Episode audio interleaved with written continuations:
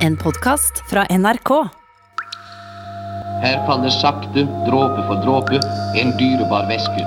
Tungt vann. I serien Tungtvannsaksjonene har vi tatt for oss sabotasje og angrep retta mot Norsk Hydro på Rjukan. and the heavy water room right at the bottom, there. Aksjonene skulle hindre at Nazi-Tyskland brukte norsk tungtvann for å lage atomvåpen. Ich brauche 5000 Kilo. I denne bonusepisoden skal vi snakke om hvor nær tyskerne kom atombomba. Om spioner og agenter rundt Norsk Hydro på Rjukan.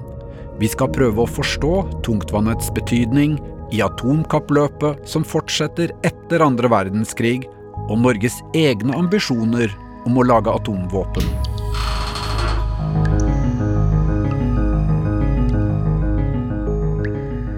Historiker Lars Borgersrud har skrevet boka 'Da Norge ville bli atommakt'. Og aller først, hva er egentlig tungtvann?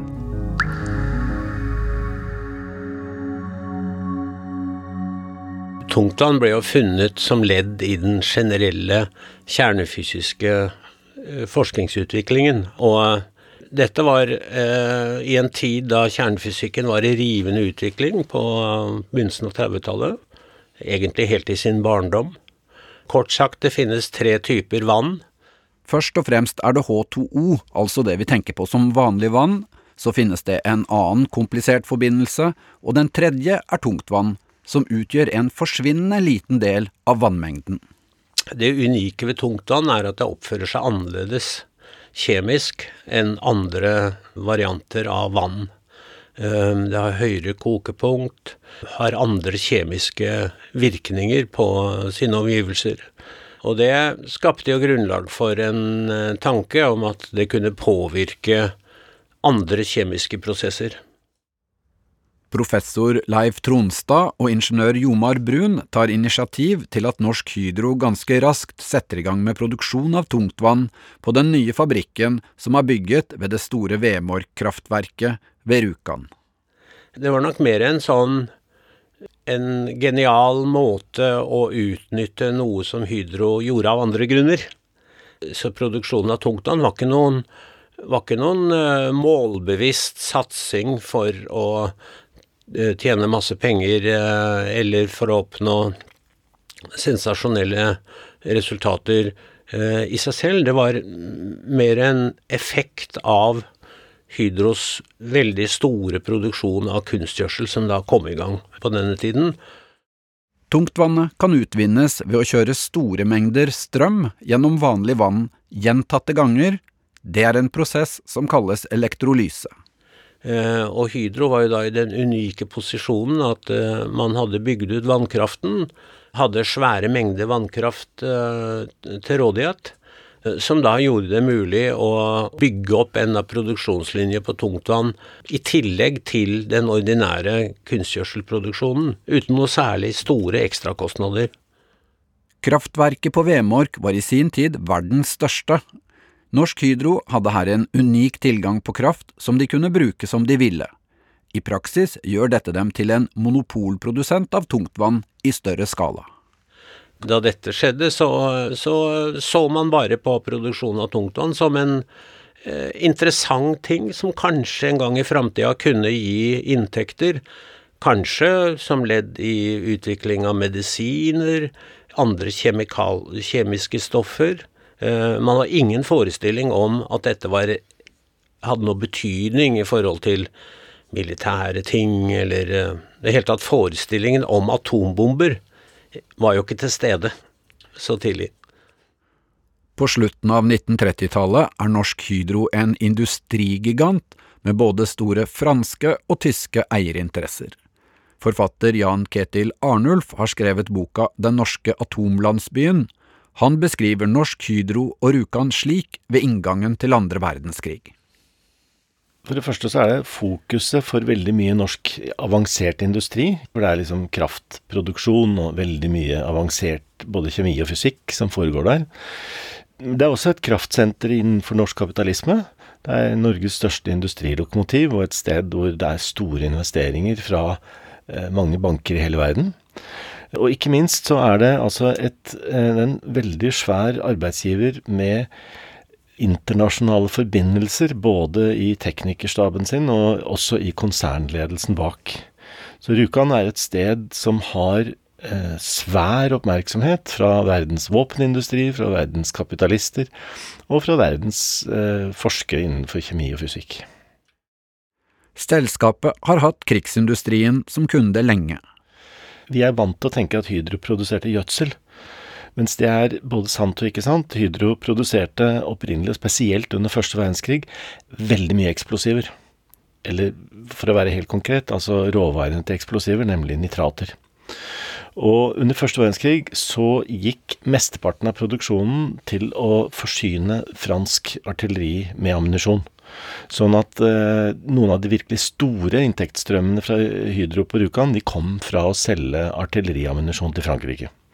Så under første verdenskrig så oppdaga franskmennene at Norsk Hydro kunne saboteres fra luften gjennom tyske luftskip. Så den franske hæren faktisk utstyrte Norsk Hydro og Rjukan med et veldig moderne luftvernartilleri. Og fra den tiden og fram til andre verdenskrig så var egentlig Norsk Hydro kjent for Forsvaret i Norge som eh, en vesentlig kilde til sprengstoff og ammunisjon.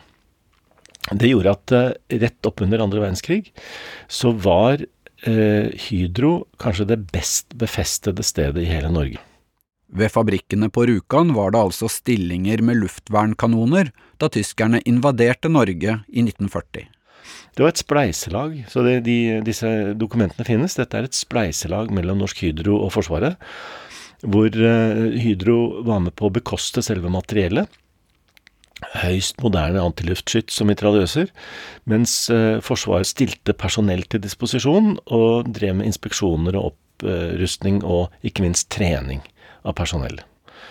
Der hvor Norge hadde trappet ned sitt eget forsvar gjennom 1930-tallet, så er det tydelig at man har investert i det, eh, eller Hydro har tatt et initiativ til og beholdt det, antagelig med tanke på hvilken vanvittig viktig rolle denne nitratproduksjonen hadde for verdens eh, ammunisjon- og sprengstoffabrikasjon.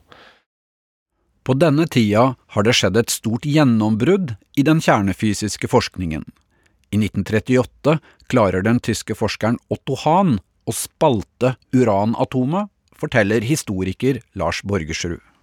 Gjennom den oppdagelsen eh, som han gjorde, og et par andre forskere, så ble det mulig teoretisk å forestille seg at man kunne en eller annen måte samle sammen eller utvinne større mengder av en uranisotop som da oppsto, for å kunne lage en kjernefysisk uh, kjedereaksjon, da. Disse tankene oppstår først i 38. Tanken om atomvåpen finnes mest som en idé, det er ingen som helt vet om det er mulig å få til. Men frykten for at Nazi-Tyskland skal prøve å lage atombombe, begynner å spre seg. Tysk kjernefysikk var lengst framme i verden, det i 39. En av de som er bekymra, er verdens mest kjente vitenskapsmann, Albert Einstein, som tidligere hadde flykta fra Tyskland til USA av jødeforfølgelsene. Og sammen så lagde da Einstein og noen andre eh, kjernefysikere en henvendelse til president Roosevelt hvor de advarte mot det tyske kjernefysiske arbeidet og skisserte opp faren for en, eh, en atombombe og oppfordret Roosevelt til å avsette både organisatoriske prosjekter og penger, ikke minst, til et amerikansk prosjekt. Via Sveits hadde man kontakt med enkelte tyske kjernefysikere som var antinazister, eh, og eh, fikk varsler om at eh, det var jobbet ganske intenst på tysk side med å forsøke å bygge atomreaktorer for å skaffe disse spaltbare stoffene. Ved å lage en reaktor og få i gang en kjedereaksjon, kunne man utvinne det radioaktive grunnstoffet plutonium. Det kunne man tenke seg å bruke i ei atombombe. Altså både Tyskland og Frankrike hadde jo da utviklet konsept for en aller første primitiv reaktor. Det betyr at de hadde skaffet seg uran, naturlig uran, i tilstrekkelige mengder, og de drev eksperimenter med å få i gang en kjedereaksjon Og eh, i begge land så forsto man at tungtvann var et aktuelt modererende middel man da kunne bruke. Rent praktisk var det da sånn at man anrettet uran i uh, forskjellige former, i, uh, montert relativt tett sammen, og så hadde man da tungtvann uh, mellom disse uranbitene. Biter av uran blei senka i en beholder med tungtvann. Vanlig vann fungerte dårlig. Men tungtvann hadde den evnen til å styre nøytronenes eh, vei inn i urankjernene på en eh, hensiktsmessig måte. Uh, så derfor forsto man at uh, tungtvann kunne være viktig. Men dette var ikke en forestilling man hadde ved Norsk Hydro. Norsk Hydro har vært usikre på etterspørselen for tungtvann, og de har ikke fått solgt noe særlig de første åra men ved oppstarten av andre verdenskrig så er brått både franskmenn og tyskere interessert i veldig store mengder tungtvann. Norsk Hydro er i en slags nøytral posisjon i forhold til krig og konflikt, de driver forretninger. Forfatter Jan Ketil Arnulf. Det som er interessant, er at i styret til Norsk Hydro satt jo representanter for både Frankrike og Tyskland, slik at eh, etterretningstjenesten i både Frankrike og Tyskland var godt orientert om hvordan situasjonen var på Rjukan. Som industribedrift er Norsk Hydro av stor interesse for partene i krigen, av flere grunner. Interessen for Rjukan den skyldtes kanskje ikke i utgangspunktet så mye tungtvannet, og forståelsen av hva tungtvannet kom til å bli, som det skyldtes det som alle visste, nemlig at Rjukan var en kjempehub for, for nitrater. I boka Den norske atomlandsbyen argumenterer Jan Ketil Arnulf for at noen skjønte tidlig at tungtvannet kom til å bli viktig militært sett. For ham er det også en spennende familiehistorie, fordi hans egen bestefar, Carl Arnulf, gikk fra Forsvaret og inn i jobb for Norsk Hydro på Rjukan tidlig i krigen. Det er litt bemerkelsesverdig, for han kom fra rollen som total sjef for alt våpenteknisk utstyr i Forsvaret under felttoget i 1940, og rett til rollen som luftvernleder på Norsk Hydro på Rjukan. Carl Arnulf er en av flere norske offiserer som tar seg jobb i Norsk Hydro. I 1942 skaffer han også sommerjobb til dattera Ingrid på Rjukan. Eh, men hun er jo da samtidig forlovet med en av grunnleggerne av etterretningsorganisasjonen XU. Det fører henne inn i et delikat forsøk på illegal etterretning. I løpet av sommeren så får hun da plutselig beskjed eh, at hun skal ta imot en herr Berg, som hun aldri har møtt før. Og herr Berg dukker opp som en slags student, kanskje realfagsstudent fra Oslo, og er veldig interessert i alt som foregår og blir produsert på Rjukan, og lurer på om han kan få eh, en ingeniør i tale som forstår noe av det tunge vannet. Så min tante eh, organiserer dette her. Hun eh, inviterer til kaffe en kveld familien ikke er hjemme. Så inviterer hun herr Berg sammen med en, eh, en ingeniør da, fra Rjukan. Og De kommer sammen og diskuterer og prater, og så skjer det en lang stund ikke noe. De, herr Berg reiser igjen og og fornøyd, og ingeniøren går tilbake igjen til sitt. Herr Berg har blant annet lurt på hvor i Tyskland tungtvannet blir sendt. Rykter om samtalen sprer seg etter hvert helt opp til direktøren. Nå har uh, denne unge damen, frøken Arnulf, hun har nå sørget for å lose inn en, en uh, spion her. Da blir det oppstandelse, da. Så direktør Nilsen går til politisjefen, eh, Torbjørn Hauger. Og sammen med politisjefen så går de hjem til familien Arnulf og arresterer min tante da seint på kvelden klokka 23 om kvelden. Til min bestefars store forundring, står det. Han så ut som han falt ned fra månen. Både XU-agenten, som egentlig heter Nils Brusli, og Ingrids forlovede, Brynjulf Ottar, blir etterlyst, men slipper unna. Saken etterforskes, men familien Arnulf har en god forbindelse i den lokale politimesteren. Han er nemlig Ingrids gudfar og farens beste kamerat. Det ser ut som at politisjefen på Rjukan, Torbjørn Hauger, redder hele den saken til corner, så min tante Ingrid forsvinner, går i dekning.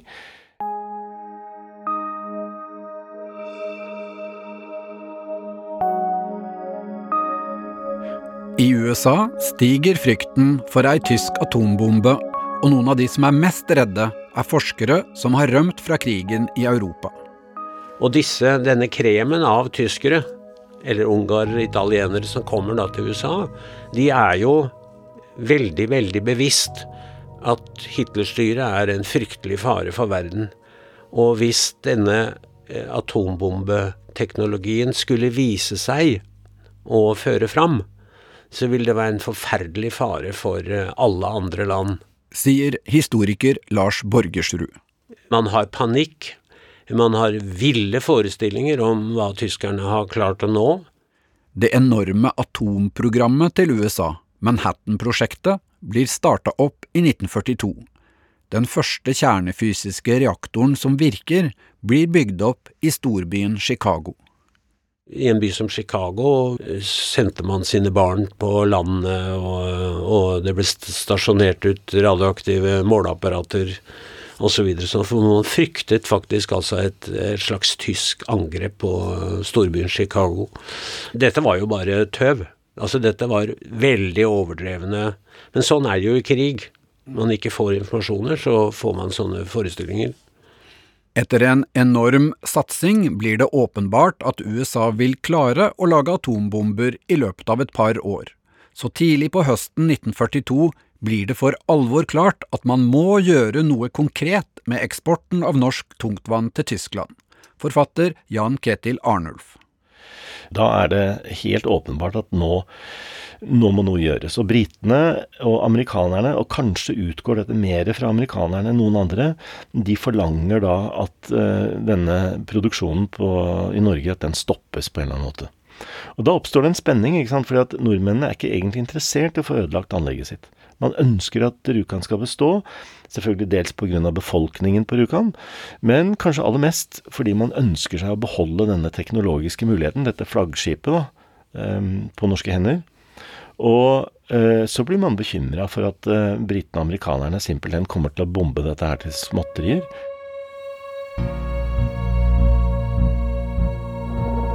I denne serien har vi tidligere fortalt om den første sabotasjeaksjonen med britiske soldater som skulle lande på Hardangervidda i glidefly. Den blei helt mislykka, og 41 briter døde i flystyrt eller blei henretta av tyskerne mens den mest kjente operasjonen, Gunnerside, der en gruppe norske sabotører tar seg fram på ski og sprenger tungtvannsanlegget, er på mange måter en veldig dristig og godt gjennomført aksjon. Großartige Sabotageleistung. Verflucht. I filmen 'Kampen om tungtvannet' fra 1948 er den tyske generalen von Falkenhorst imponert over sabotasjen. Man muss die Kerle unbedingt festnehmen. Ob lebend oder tot, ist mir egal. Jawohl, Herr General. Ved å sprenge tungtvannsanlegget gikk det tapt noen hundre kilo tungtvann, og produksjonen stoppa opp. Men etter bare halvannen måned hadde Norsk Hydro og tyskerne fått på plass et nytt anlegg som var mye mer effektivt enn det forrige. Så man kan godt si at tungtvannssabotasjeaksjonen var egentlig historisk uten betydning, uten særlig viktig betydning for det tyske atomprosjektet. Likevel er Gunnerside-aksjonen viktig, mener historiker Lars Borgersrud. Altså, Sabotasjeaksjonen mot, uh, mot Vemork var jo en strålende gjennomført, flott, dristig aksjon som sabotørene fortjener all mulig heder og ære for å ha gjennomført. Deres rolle var jo å gjennomføre denne typen sabotasje, og den hadde jo i seg sjøl en verdi i forhold til det å mobilisere motstandsinnsatsen i Norge. Eh, man skal være klar over at eh, det var ganske laber motstandsinnsats i Norge de første årene av annen verdenskrig. Og industrien hadde jo gitt pålegg om å samarbeide lojalt med en tysk krigshusholdning så det at det ble gjennomført sånne sabotasjeaksjoner som dette, hadde en verdi utenfor rammen av selve atomprosjektet, utenfor rammene av tungtvannsproduksjonen. Det hadde en verdi som en sabotasjeaksjon. Etter Gunnerside-aksjonen blir det raskt klart at tungtvannsproduksjonen er satt i gang igjen og større enn noensinne. Sommeren 1943 bomber de allierte Norsk Hydros store aluminiumsatsing på Herøya ved Porsgrunn, og i november blir Rjukan bomba av flere hundre amerikanske fly. Jeg kan huske at en gang som, som uh, ung mann så gikk jeg opp der på Rjukan sammen med faren min opp på Vemork, og der står jo noen av disse bombene. Det står uh, Du finner splinter av deler av skallet av de bombene er utstilt der. Bestefaren til forfatter Jan Ketil Arnulf var luftvernsjef for Norsk Hydro og hadde tegna et beskyttelsesrom som blei brukt ved flyangrepet. Her døde 20 mennesker da en av de allierte bombene blei en utilsikta fulltreffer. Fattern sa det at um, den, disse bombene traff jo dette rommet, sa han, som, som far hadde tegna, og han tok seg veldig nær av at det døde folk der, da. Det at det kommer flere hundre amerikanske bombefly midt på dagen, demonstrerer hvilken makt de allierte nå har på dette tidspunktet av krigen. Selv om tungtvannsanlegget ikke blir direkte ramma, er det slutt på all produksjon for resten av krigen. Signaleffekten var nok brutal for tyskerne, og sånn sett så var nok eh, Det er en svær slegge å bruke, men, men den er jo åpenbart eh, virksom, da. Og setter også et signal, ikke sant, for tyskerne hva som kommer kom til å skje videre. Etterpå bestemmer tyskerne seg for å sende tungtvannet som var under produksjon på Vemork, til Tyskland. Det fører til nok en britisk styrt sabotasjeaksjon mot ferga som frakta tungtvannet over Tinnsjøen fra Rjukan, selv om han visste at det var sivile passasjerer om bord. Lars Borgersrud. Det er realiteten at ferjesprengningen er jo da den siste, det siste initiativet, og når man først bestemmer seg for å gjennomføre en sånn aksjon, så er det full rulle på, ikke sant. Sånn er krig. 14 sivile og fire tyske soldater omkom da ferga blei sprengt og sank. Det er da slutt på videre aksjoner, selv om det går flere forsendelser med tungtvann fra Rjukan, annet av tønner som fløyte opp fra fergevraket. Det er en merkelig kontrast mellom avblåsningen av sabotasjen mot den videre forsendingen fra Skien etter sprengningen av ferja, og sprengningen av ferga.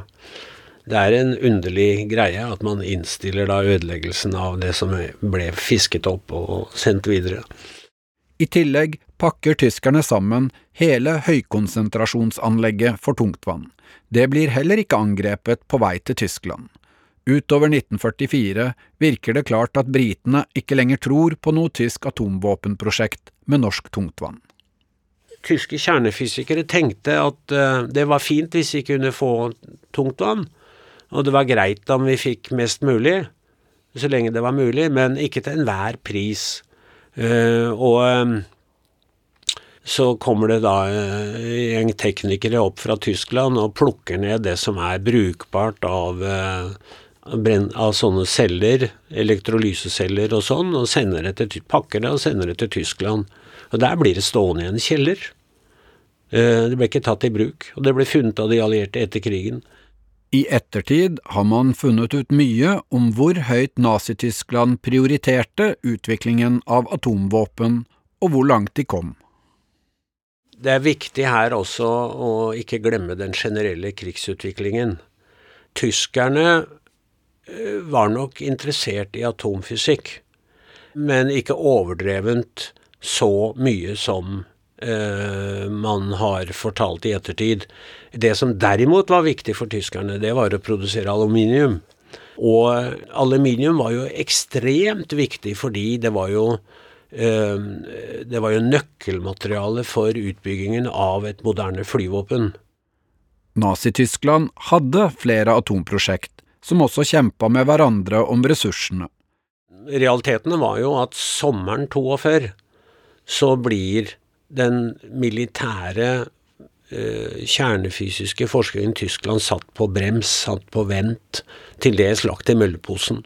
Det var eh, store konferanser mellom eh, ledelsen i militæret i Wehrmacht og forskningsmiljø, kjernefysiske forskningsmiljø, hvor man da på den ene siden demonstrerte at det var teknisk mulig å lage en atombombe, men eh, samtidig som man poengterte at dette ville ta lang tid og ville koste milliarder av mark.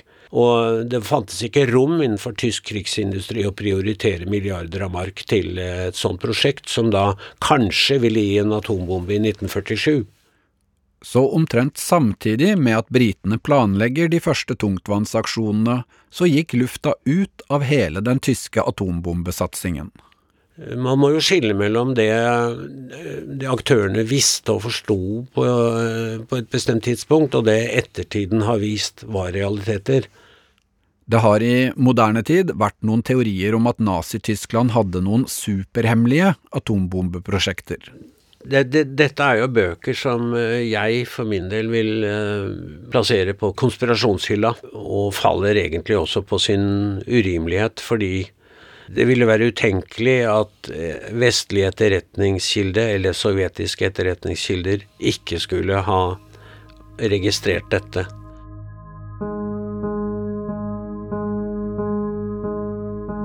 Historiker Lars Borgersrud har vært opptatt av Sovjetunionens rolle under andre verdenskrig.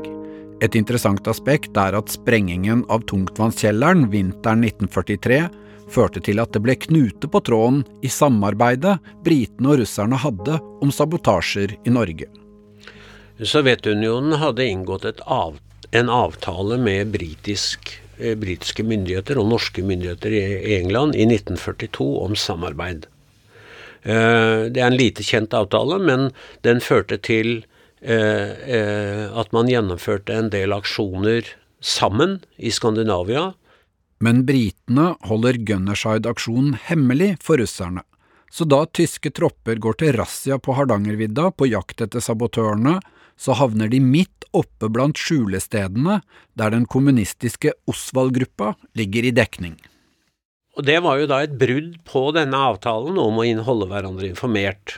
Og russerne ble jo eh, alarmert av hva det var som var så viktig ved Vemork Eh, særlig hadde de bitt seg merke i det at tyskerne hadde jo ikke hatt noen vakthold på Vemork eller Rjukan, Eh, som de hadde registrert i det hele tatt gjennom sin etterretningsvirksomhet i Norge. Sabotørene er allerede nådd langt til fjells, mens tyskerne finkjemmer distriktet. Spillefilmen Kampen om tungtvannet er et eksempel på hvordan historien om en krig skrives. Det er behov for fortellinger som samler folk. Og etter krigen så eh, hadde man et voldsomt behov for å skape et inntrykk av at Norge hadde vært aktiv som motstandsnasjon, eh, og at motstandskampen i Norge hadde vært framtredende hadde spilt en viktig rolle. Og ikke minst var det viktig fordi at i eh, de første årene fram til 1948-49 eh, så er det jo britene som spiller viktigste rolle i Norge. Sånn militærpolitisk. Og behovet for å produsere en krigsfortelling som da linker opp mot Storbritannia og USA, blir veldig voksne.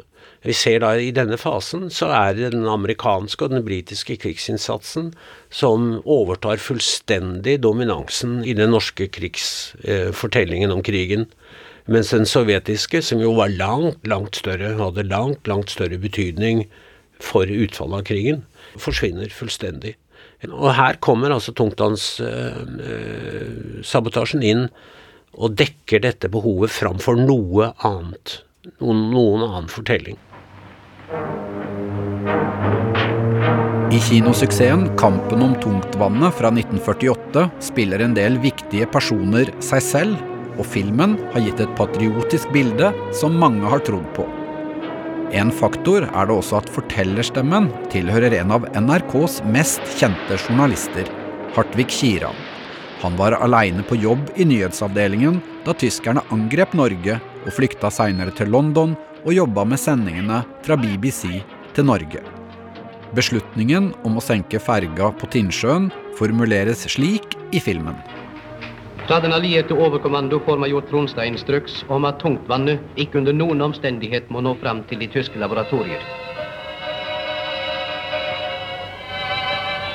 Senking av ferja må utføres for enhver pris, selv om tap av sivile uunngåelig. Stopp. Heldig utfall absolutt nødvendig.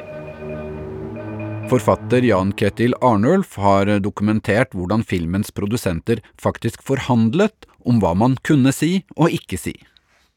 Jeg sitter jo med noe korrespondanse som jeg har vært i de britiske nasjonalarkivene og funnet, som handler om hva eh, de som lager filmen, har lov til å si.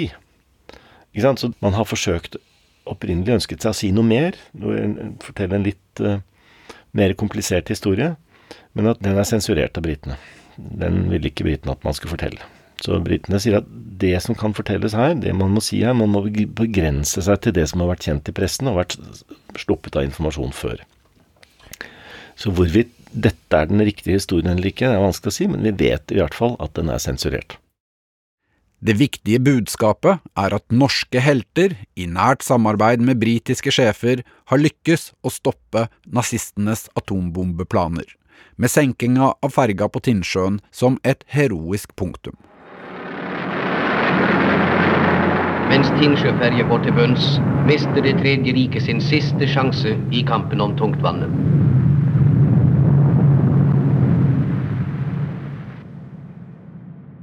Etter krigen er Norsk Hydro en industrigigant som er viktig for å bygge opp igjen landet. Den norske staten beslaglegger tyske aksjeposter og går inn som storeier. Dermed så blir det ikke noe stort rettsoppgjør om det samarbeidet bedriften har hatt med Nazi-Tyskland. Jan Ketil Arnulf. Ja, altså Først beholder jo den norske staten kontroll på Hydro og sørger for umiddelbart å kjøre i gang igjen eh, tungtvannsproduksjonen. Og da forlenger den umiddelbart direkte fra Rjukan også til Glomfjord. Så istedenfor å bare bygge opp igjen på Rjukan, så bygger de ut også Glomfjord. ikke sant? Sånn at du får to store produksjonsanlegg i Norge for Norsk Hydro som begynner å produsere veldig mye tungtvann. Etter de amerikanske atombombene over Japan på slutten av andre verdenskrig er atomkappløpet for alvor i gang. Både i Norge og andre land tenker man seriøst på muligheten for å skaffe seg atomvåpen. Det var en lang rekke land som nå kaster seg etter 1945 over muligheten for å produsere eh, atomvåpen, fordi man hadde en forestilling om at dette ville gi eh, eh, et billig forsvar. Husk på det å forsvare Norge med tradisjonelle midler, bygge opp en sånn tilsvarende divisjonsordning som man hadde hatt før krigen, ville koste svære summer. Og det å produsere noen få atombomber og ha det som en trussel mot enhver fiende, særlig da Sovjetunionen, som jo var fienden, ville løse det problemet, trodde man. Gjennom tungtvann har Norge gode kort på hånda som en atompartner. Denne tilgangen på tungtvann, som altså er unik og gir Hydro et eh, praktisk verdensmonopol. Men for å kunne lage atomvåpen trenger Norge også uran.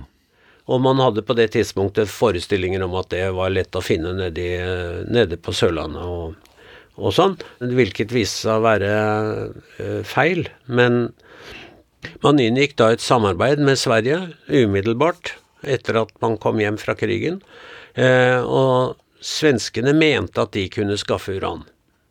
De hadde en type alunskifer med litt høyere andel av eh, radium og uran enn en eh, det som var i Norge. Slik at her tenkte man seg en bytte, byttehandel. Så svenskene ønsket et samarbeid med Norge, øh, men i motsetning til Norge så, så gjorde jo svenskene klart all, allerede fra starten av at det var et militært prosjekt, og at formålet var å skape atombomber. I sin bok Den norske atomlandsbyen skriver Jan Ketil Arnulf om skjulte norske ambisjoner og ønsker om atomvåpen. Det er en delikat og skremmende verdenspolitisk situasjon. Stormaktene ønsker ikke at andre land skal skaffe seg atomvåpen. Verdensorganisasjonen FN blir stifta, med norske Trygve Lie som den første generalsekretæren. Og FN har opprettet et eget sikkerhetsråd med den spesifikke hensikten å kontrollere atomvåpenspørsmål og sørge for at atomvåpenkunnskapen ikke kommer ut i hele resten av verden. Der sitter Norge. Så at Norge var i atomklubben, ja, helt åpenbart. At noen i Norge, spesielt regnet rundt Forsvarets forskningsinstitutt og Hærens uh, våpentekniske korps, ønsket seg et atombombe, brennsikkert. Hvorfor de ikke fikk det til? Dels teknologi, og dels politikk. Allerede i 1951 sto den første norske reaktoren på Kjeller ferdig. Vesle Norge var altså land nummer seks i verden med egen atomreaktor. Så det har vært sagt av noen forskere at Norge nøyde seg med å signalisere gjennom reaktoren at vi var i stand til det. Vi hadde den tekniske kapabiliteten til det, og kom med i det gode selskap i atomklubben. Men vi hadde aldri noen atombombe selv. Hvor nært vi var å, ta beslutningen å produsere en, eh, vet jeg ikke, men jeg er helt brennsikker på at noen tenkte det, og at intensjonen om det var en av grunnene til at det kom så utrolig mye trøkk på å lage den reaktoren og få dette i gang. Historiker Lars Borgersrud. Det var jo mange land som sto på, på uh, målstreken for å, med reaktorer. Men det spesielle for Norge var jo dette med tungtvannet, at man hadde, hadde billig tilgang til store mengder tungtvann som gjorde den aller enkleste, mest primitive reaktorkonstruksjonen mulig. Det norske atomprosjektet som da startet uh, tidlig, og uh, fikk et relativt stort uh, aksept i det norske samfunnet Det ble aldri noe produsert noen atombomber, fordi det aldri var mulig politisk å få gjennomslag for det. Men kapasiteten til å produsere det eh, var jo beholdt fram til på slutten av 60-tallet.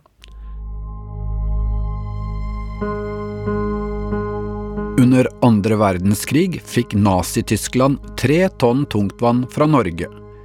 I tiåra etter krigen produserte Norsk Hydro rundt 450 tonn tungtvann.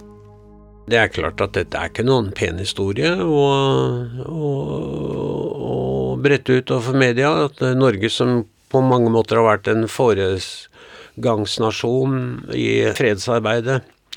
Selv har vært en eh, meget aktiv eh, aktør for å skaffe egne atombomber, og ikke minst eh, utstyrt eh, en lang rekke land med tungtvann, som har gjort det mulig for mange av disse landene å produsere atomvåpen. Jeg kan jo f.eks. nevne Israel som et grelt eksempel det israelske atombombeprosjektet, som nå eh, Vi vet jo ikke hvor mange atombomber de har, men eh, antallet kan ligge kanskje 100, rundt 100 pluss-minus. Det hadde ikke vært mulig uten norske tungtvann. Og et stort antall plutoniumsvåpen rundt omkring i verden er produsert med norsk tungtvann. Det kan det neppe være tvil om. Har det vært en gullgruve for Norsk Hydro? Ja, ja, selvfølgelig. Det har vært en kolossal inntekt. I 1987–88 tok tungtvannsproduksjonen i Norge slutt. Da var det ikke lenger lønnsomt. Amerikanerne produserte eh, av litt forskjellige grunner eh, store mengder eh, tungtvann som de la ut på markedet på 60-tallet, slutten av 60-tallet og framover, som førte til at prisen på tungtvann sank dramatisk og gikk langt under det som Hydro hadde av eh, produksjonskostnader. Så det ble rett og slett umulig å fortsette produksjonen. Forfatter Jan Ketil Arnulf mener også at Norge har hatt en viktig rolle i atomkappløpet. Her er jo Norge trollmannens læregutt, for vi har jo bidratt til å sende tungtvann til Kreti og Pleti. Så på en måte så har vi bidratt til å spre denne teknologien, på godt og vondt. Arnulf mener en liten krets av mennesker har tatt de viktige beslutningene rundt norsk atompolitikk. Altså Alle disse opprinnelige beslutningstakerne rundt Forsvarets forskningsinstitutt og, og reaktoren på Kjeller, de, de ble jo um, de ble administrerende direktører og styreformenn i sånne bedrifter som Scandpower, Noratom, Raufoss ammunisjonsfabrikk, eh, Kongsberg våpenfabrikk. sånn at de de, de, satt og hadde eh, viktige beslutningsposisjoner i forhold til norsk både kraftindustri generelt, atomindustri og våpenindustri.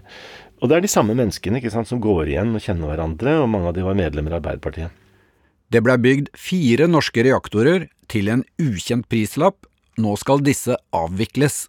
Det er snakk om store offentlige utgifter.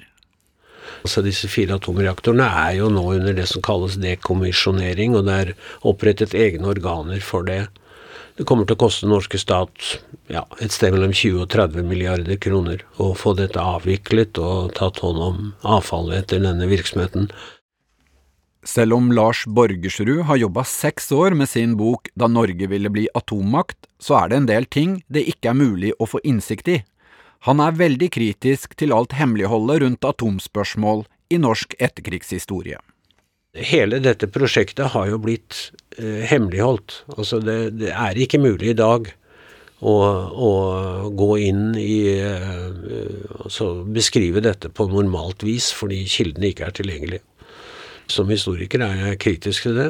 Eh, jeg, dette er jo eh, virksomheter som har vært finansiert over statsbudsjettene på forskjellig vis eh, gjennom hele, hele, historien. Ikke bare derfra, men, men i hovedsak derfra. Og dette er, burde være offentlig tilgjengelig kunnskap om hva som faktisk har foregått i denne posten.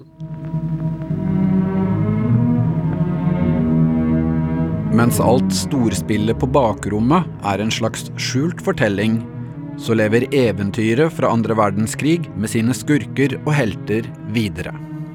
Som en festning i stål og betong reiser fabrikken seg midt i fjellveggen.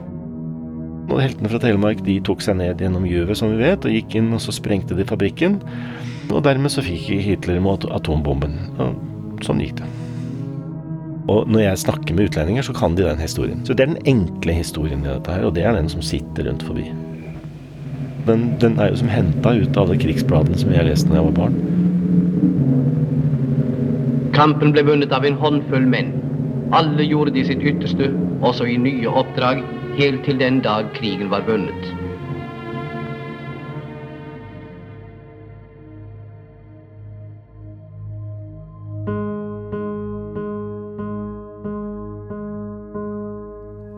Dette var en bonusepisode i serien Tungtvannsaksjonene, som er laga av meg, Kjetil Saugestad.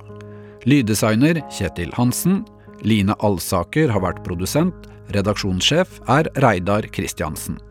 Musikken til serien er laga av JF Allum. Klipp fra filmen Kampen om tungtvannet er brukt etter avtale med Erik Staubo, som eier rettighetene. Norsk Hydro har fått tilsendt episoden og har hatt anledning til å kommentere den. Vil du sende reaksjoner til oss, så bruk e-post hele historien krøllalfa nrk.no.